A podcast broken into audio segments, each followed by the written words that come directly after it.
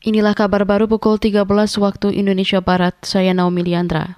Wakil Presiden Maruf Amin mengajak semua pihak termasuk instansi pemerintah dan jasa keuangan menyuntikan donasi pembiayaan kepada pelaku usaha kecil melalui lembaga Bank Wakaf Mikro atau BWM.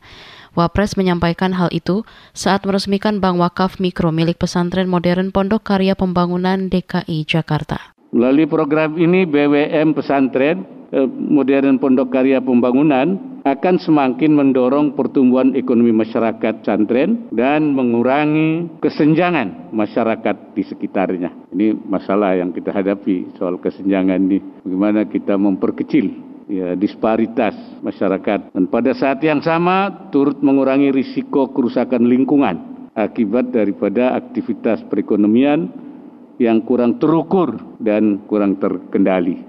Wakil Presiden Maruf Amin menuturkan Bank Wakaf Mikro merupakan bagian dari lembaga keuangan mikro syariah dan merupakan ekosistem dari pengembangan keuangan syariah.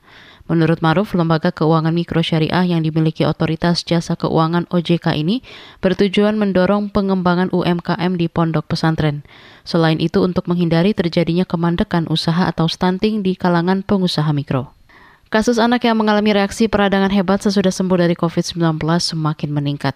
Ketua Satgas COVID-19 Ikatan Dokter Anak Indonesia IDAI, Yogi Prawira mengingatkan, reaksi peradangan itu terjadi dalam kurun waktu 2 hingga 6 pekan pasca anak dinyatakan sembuh atau negatif dari virus corona pada saat terinfeksi pun gejalanya ringan, tapi kemudian setelah itu baru mengalami peradangan yang hebat gitu. Ya, sehingga kita tidak bisa uh, menggampangkan infeksi pada anak ya. Kenapa? Tadi karena ada risiko terjadinya peradangan pasca infeksi. Ketua Satgas COVID-19 IDAI Yogi Prawira menambahkan, saat anak mengalami peradangan sesudah dinyatakan sembuh dari virus corona, maka orang tua harus memantau aktivitas anak termasuk nafsu makannya.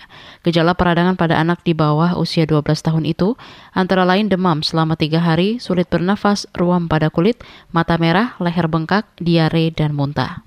Kualifikasi Piala Dunia 2022 kembali berlangsung di berbagai zona. Dari Asia akan berlangsung persaingan perebutan dua tiket putaran final dari grup B melibatkan Arab Saudi, Jepang, dan Australia. Ketiga tim ini sama-sama menyisakan dua laga. Malam ini Australia akan melawan Jepang, sedangkan Arab Saudi akan melawan China. Arab Saudi dan Jepang akan lolos bila sama-sama menang. Sedangkan Australia akan bisa menjaga peluangnya bila memenangkan laga. Di grup A saat ini sudah ada Iran dan Korea Selatan yang lolos. Malam ini keduanya akan bertemu untuk berebut posisi juara grup. Iran kini unggul dua poin dari rivalnya itu. Dari zona Eropa akan berlangsung babak playoff untuk memperebutkan tiga tiket tersisa. Dini hari nanti akan berlangsung laga semifinal yaitu Italia melawan Makedonia Utara Portugal menghadapi Turki Swedia berhadapan dengan Republik Cek dan Wales melawan Austria. Bila sama-sama menang, Italia dan Portugal akan bertemu di final untuk berebut tiket ke Qatar. Dari zona Amerika Latin, Brazil akan melawan Chile, Kolombia, menghadapi Bolivia, Paraguay menjamu Ekuador, sedangkan Uruguay menyambut Peru, sedangkan Argentina baru akan melawan Venezuela pada Sabtu nanti. Saudara, demikian kabar baru KBR. Saya Naomi Liandra, undur diri.